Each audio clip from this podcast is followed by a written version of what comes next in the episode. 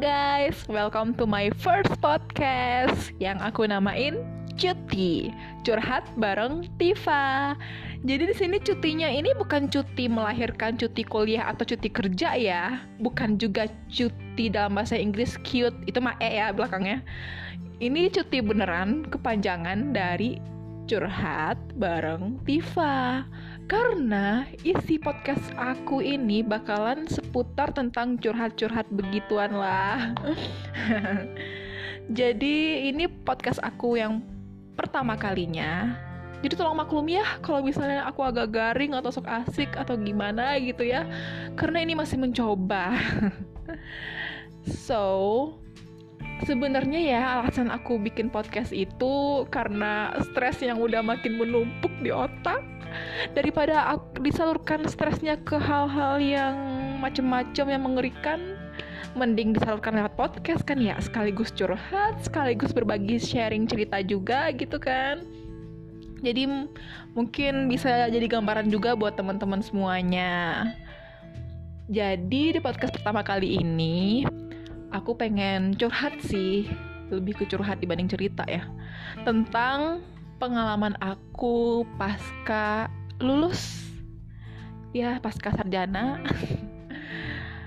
Bisa dibilang aku ini baru lulus bulan Mei tahun 2019 ini. Di salah satu PTN negeri favorit Mayan lah ya. Um, sebut merek gak nih? Gak usah lah ya. Teman-teman juga udah pada tahu kayaknya ini. Jadi aku ini setelah lulus S1 nggak ngambil nafas dulu. Maksudnya ya langsung gitu. Habis S1, S1 habis S1 itu langsung S2 nah awalnya itu aku pikir karena ah nanggung gitu kan. S2 juga lagian 2 tahun. Dan masih di jurusan yang sama juga pengen ngambilnya jadi nggak lintas jurusan gitu kan. Mikirnya sekaligus pusing gitu. Jadi pusing S1 langsung aja pusing S2 gitu. Jadi nggak nggak pusing lagi gitu. Kalau misalnya aku kerja dulu terus ntar baru S2 kan nanti jadi pusingnya tuh bakal berasa lebih gitu ya. Ya aku pengennya tuh lagi langsung aja sekaligus dihabisin pusingnya gitu. Kalau aku bilang ke mama sih uh, katanya Tifa ngap ngapain pengen S2 kata mama kan. Aku bilang sih mumpung masih ada otaknya mah maksudnya mumpung masih ada otaknya itu mumpung masih fresh gitu otaknya jadi masih bisa dipakai buat belajar gitu kan. Takutnya sih kalau aku kerja duluan nanti uh, males lagi eh buat S2 gitu. Jadi mending sekalian aja. Rencananya sih gitu kan. Banyak sih ada uh, yang bilang juga nggak kerja dulu aja apatif gitu. Nggak cari kerja dulu aja ngapain sih langsung S2 gitu kan. Ada sih yang ngomong beberapa bilang kayak gitu. Kepikiran juga sih pengen sih awalnya juga langsung kerja. Tapi gimana ya? Karena nanggung gitu ya. Karena S2 juga 2 tahun gitu. Nggak kayak S3 kan yang 4 tahun lebih. Uh, jadi pengennya sih S2 dulu baru kerja. Ditambah juga adik-adik aku masih kecil-kecil. Masih SMP sama SMA jadi tanggungan orang tua juga masih belum gede gitu ya.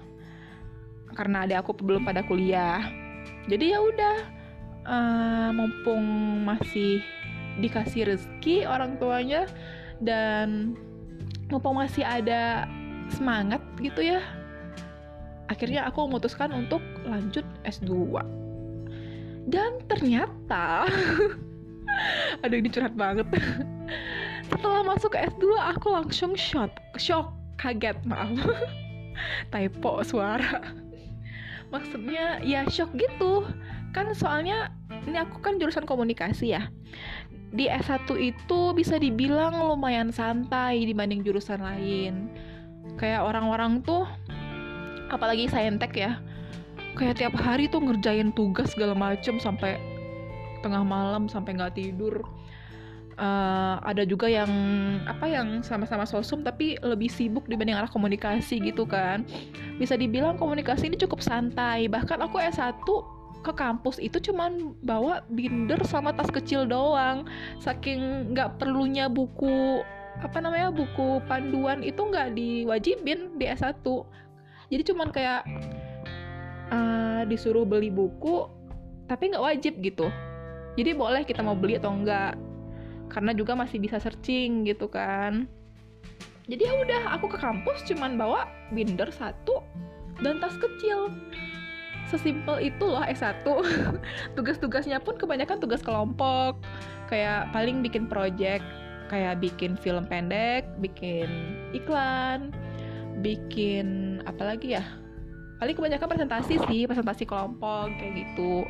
Tugas individu ada dan itu pun nggak berat maksudnya tugas individunya tuh ya bikin makalah. Ya ya kayak anak kuliah biasa lah gitu. Eh, nggak uh, sampai ke riset gitu kan uh, tugas-tugas S1-nya mah. Hmm, jadi masih bisa dikatakan tidur aku masih cukup waktu S1 paling juga kalau begadang itu kalau misalnya UTS atau mau ujian mau belajar gitu kan. Dan teman-teman pun malah gimana ya? Santai banget gitu teman-teman yang lain juga apalagi yang cowok-cowok kan ya. Kuliah mah santai banget. Nggak habis pikir gitu kayak oh, walaupun santai tapi nilai pun tetap alhamdulillah lumayan tinggi gitu tetap tinggi nilai nilai mah gitu. Kayak gitulah saking enaknya S1 makanya aku sibuk sama organisasi dulu waktu S1 di samping kuliah. Karena kuliah itu santai dulu ya. Jadi aku habisin lah sama organisasi di Hima sama di UKM gitu. Nah dan skripsinya pun terbilang alhamdulillah lumayan lancar setelah ganti dosen ya. Uh, karena dosennya juga baik ya kedua-duanya dosen bimbing aku baik banget makanya aku dalam waktu beberapa bulan doang bisa langsung sidang dan lulusnya nggak nyampe 4 tahun. Jadi kayak tiga tahun 7 bulan gitu. Aku bulan Maret sidangnya gitu. Nah, alhamdulillah gitu ya dilancarkan S1 aku gitu.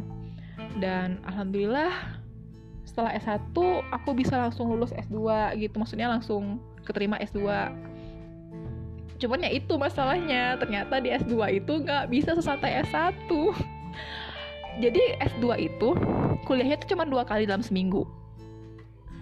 Cuma dua hari gitu kan. Dalam waktu tujuh hari cuma dua hari nih. Jadi lima harinya tuh dipakai buat libur. Jadi aku mikirnya pertama kali kan ah ini ngapain ya? Gabut banget. Gila dua hari doang kuliah. Ah mending cari uh, apa namanya pengen cari kerjaan yang lain gitu. Ya udahlah akhirnya aku ikut uh, kursus ikut les gitu kan. Lesnya pun yang berkaitan dengan public speaking broadcasting karena aku emang tertarik gitu kan ya di bidang itu. Jadi aku les les juga dan aku juga cari part time uh, cari kerja part time juga di sini di dekat uh, di dekat kampus gitu kan. Biar nggak jauh-jauh dan ternyata dua hari kuliah tapi bikin nugasnya lima hari. Jadi kayak tiap hari aja kuliah gitu nugas. Jadi dua hari doang kuliah tapi lima harinya tuh dihabisin sama nugas. Bahkan aku sabtu minggu pun tetap nugas gitu. Saking aduh saking gimana ya ya begitulah gitu. Shock gitu. Mungkin sama teman-teman yang lain teman-teman S2 yang lain di kelas pun juga pada bilang kalau mereka tuh shock karena S1-nya juga santai kayak aku gitu. Nah, jadi macem-macem ya tugas aku ini. Apalagi waktu mendekati UTS kemarin, ini baru selesai UTS ya. Yang kemarin tuh UTS, ya, ampun gila itu aku tidur cuma satu jam, dua jam gitu. Karena saking banyaknya tugas, sebelum UTS juga banyak. Jadi jadi S2 ini dari sekarang itu udah mikirin tesis. Jadi kami udah disuruh bikin proposal, proposal buat tesis. Dan proposalnya pun nggak boleh abal-abal ya, jadi beneran bikin proposal gitu. Dan itu pun dua buah gitu, jadi nggak cuma satu proposalnya. Proposal dalam metode kuantitatif sama proposal dalam metode kualitatif karena kami juga belajar MPK kan di semester ini. Jadi semester satu tuh langsung belajar MPK teori gitu kan karena benar-benar bersiap disiapin buat riset penelitian gitu. Jadi ya udah tugas kami pra riset kebanyakannya. Di, disuruh bikin proposal yang kuantitatif sama disuruh bikin juga proposal kualitatif. Nah aku bingung banget tuh. Aku S1 cuma ngerti kualitatif doang. Kuantitatif sama sekali nggak ngerti. Untungnya dosen kuantitatif yang sekarang ini baik banget gila. Terbaik sih emang walaupun mungkin karena aku bukan orang Sunda ya jadi nggak ngerti ya bahasa apa bahasa si profesornya. Kata anak-anak Sunda sih profesornya agak gimana gitu. Cuman aku santai aja kayak ketawa aja karena nggak ngerti bahasa Sunda. Jadi lucu aja gitu si profesornya yang kuantitatif ini. Uh, dan aku alhamdulillah bisa dibuat ngerti yang bab satu kuanti gitu kan. Bab dua tiga belum sih belum diajarin tapi ya itu tugasnya berat. Bagi aku berat ya. Nggak tahu bagi teman-teman yang lain. Bagi aku berat disuruh bikin proposal kuantitatif mana beda judul juga dengan kualitatif kan. Jadi harus dibikin dua judul yang berbeda dan aduh puyeng gitu. Mana kualitatif tuh harus benar-benar terjun ke lapangan. Jadi kami itu harus benar-benar prariset kan buat bikin latar belakang. Uh, jadi gitulah belum lagi tugas yang lain kayak tugas waktu itu yang mana yang yang multikultur disuruh bikin jurnal. Artikel sih lebih tepatnya. Itu kayak oh my god aku belum pernah bikin artikel. Aku pikir langsung apa namanya bikin kayak metode gitu kan. Untungnya enggak. Jadi artikelnya kayak artikel tulisan tapi bukan penelitian gitu. Cuman ya mayan juga gitu kan. Belum lagi tugas filsafat. Aduh. Yang kemarin itu gila capek banget itu harus ditulis tangan folio. Satu soal tuh minimal 500 kata dan tulis tangan. Aku ngumpulin 16 halaman gitu. 16 halaman folio ya ampun itu tangannya pegel banget. Ngerjain ngerjain ini kayak oh my god. Ternyata S2 masih ada yang tugas buat tulis tangan folio. Terus tugas apa lagi ya? Ada lagi tugas yang lain yang presentasi pasti ada presentasi kelompok yang yang macam-macam lah yang lainnya gitu.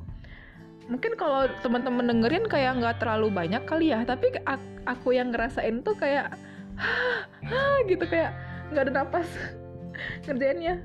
Soalnya setiap pertemuan gitu juga pasti dituntut ada gitu yang proposalnya harus ada perubahan di dalam proposal kita gitu kan. Jadi kayak oh puyeng ngerjain pikiran bercabang bercabang antara kuanti sama kuali sampai sekarang pun aku masih belum fix gitu pengen tesisnya kuanti apa kuali gitu ya.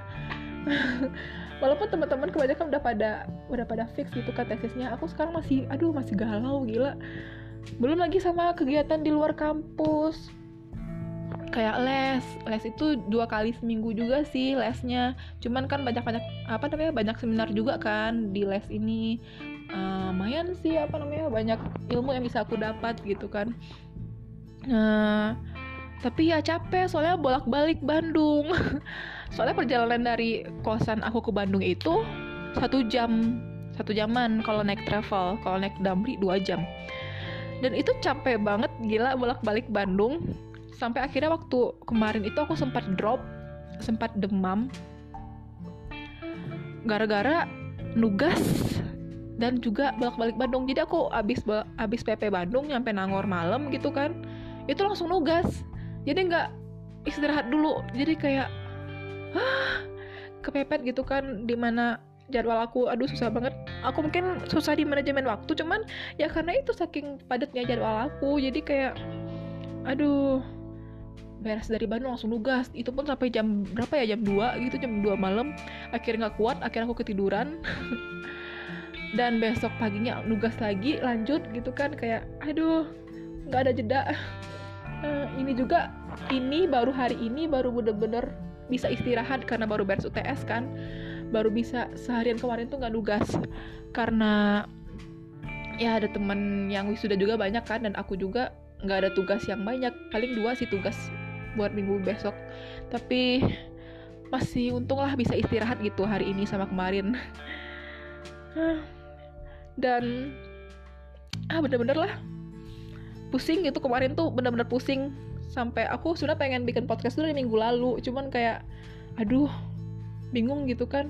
Karena tugas tugas banyak terus ditambah pula yang lain. Jadi kayak nggak sempat gitu. Baru sekarang baru bisa bikin podcast.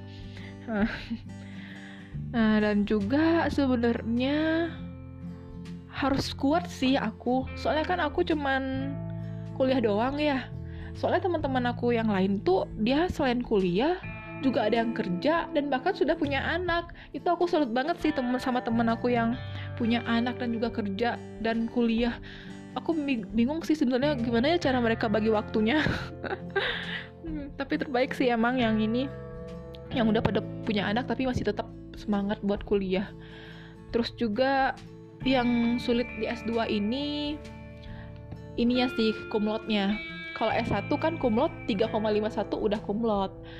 Kalau S2 mau 3,9 mau 4 IPK kita nggak bisa bakal kumlot.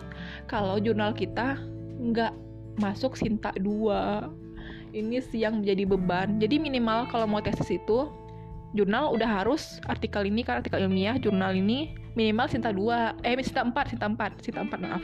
Minimal Sinta 4 tapi kalau mau kumlot minimal Sinta 2 ini nih aku kayak mikirnya oh my god. Pantesan ya waktu aku wisuda kemarin kebanyakan nggak ada yang kumlot yang S2 ternyata gara-gara itu syaratnya harus Sinta 2 minimal seminimal minimalnya. Dan oh my god aku aja belum pernah bikin jurnal yang bener-beneran jurnal gitu ya. Nah jadi ya udahlah semakin berjalannya waktu ya dicoba dulu saja. Nah banyak yang mikir gitu kan kalau aku juga mau S2 karena pengen jadi dosen. Iya sih aku pengen jadi dosen. Tapi belum tahu sih kalau aku bakal beres S2 bakal langsung jadi dosen gitu. Karena dulu aku mikirnya aku pengen berkarir dulu lebih tepatnya di dunia broadcasting atau berkarir di corporate lah di perusahaan atau di startup gitu. Kerja lah pokoknya yang penting. Uh, baru setelah nikah nanti pengennya baru jadi dosen Nah nggak tahu nih kalau misalnya setelah S2 nanti apa langsung jadi dosen apa kerja dulu nggak tahu juga. Tapi pengennya sih gitu dulu. Jadi jadi dosennya itu setelah aku menikah. Karena kalau aku lihat dari mama aku ya, kan mama aku dosen. Uh, enak gitu kerja jadi dosen tuh karena jadi dosen itu bisa family oriented jadi kayak nggak ninggalin keluarga gitu jadi masih bisa kerja di rumah bimbing membimbing mahasiswa pun masih bisa di rumah gitu kan. Dan nggak sesibuk wanita karir gitu kan.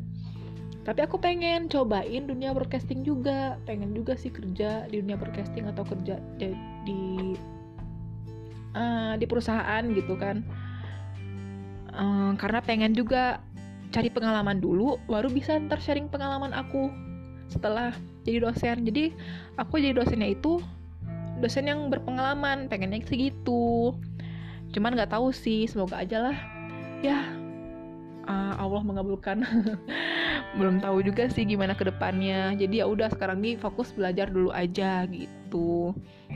Hmm, paling gitu sih.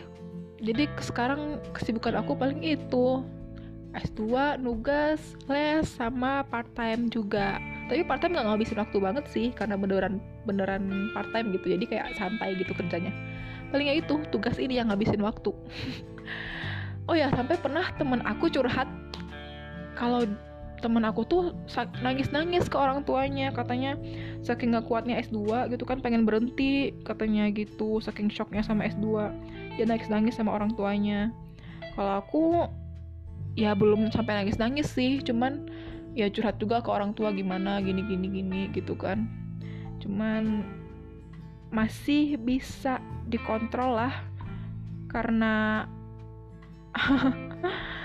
karena apa ya karena masih pikiran aku masih teralihkan sama yang lain jadi nggak terlalu stres banget gitu. Cuman stres juga. Jadi gimana? Jadi dia stres nggak ini? Maaf ya aku gaje karena aduh susah juga ya ternyata cerita aduh maafin aku gaje. Uh, jadi begitulah pokoknya.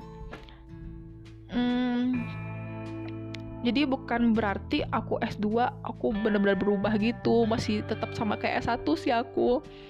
Nah eh, paling bahasannya selanjutnya tuh kayak kuburkan-kuburkan aku waktu S1 masih ada sampai S2 ini. Kayak misalnya nugas. Nugas gitu kan? Iya sih lumayan cicil nugas. Nggak kayak S1 aku yang amin satu nugas. S2 mah nggak bisa amin satu cuman tetap aja selesainya itu detik-detik sebelum dikumpulin misalnya nih kelas jam 7 pagi. Eh jam setengah 8 pagi maksudnya. Nah aku baru selesai nugas itu jam setengah 7 pagi. Satu jam sebelumnya aku baru selesai nugas gitu. Atau enggak jam 7 paginya banget. Jadi 30 menit sebelum kelas aku baru selesai nugas itu yang buat aku kadang suka telat datang ke kampus. Jadi kayak uh, jam berapa gitu ya setengah 8 jadi aku baru nyampe nya 5, 10 menit setelah masuk. Untungnya dosennya juga kadang-kadang telat gitu kan. Hmm, tapi ada juga aku yang telat. Jadi dosen dosen datang duluan baru aku datang. Pernah juga. Jadi makanya teman-teman aku yang di kelas pada nanyain kenapa sih Tiff kosan juga deket kok malah telat? Nggak kayak kami yang jauh di Bandung gitu kan? Uh, kami tetap bisa datang cepat. Ya karena itu sih. Karena aku nugasnya baru selesai hamin 30 menit atau hamin satu jam.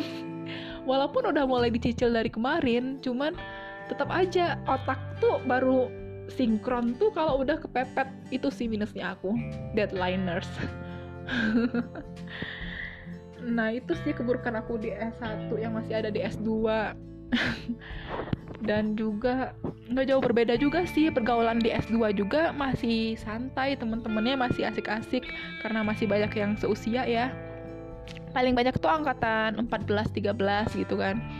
Aku kan angkatan 15 ada sih beberapa orang angkatan 15 cuman paling didominasi sama angkatan 14 sama 13 di S2 dan jadi pergaulan kami masih nyambung.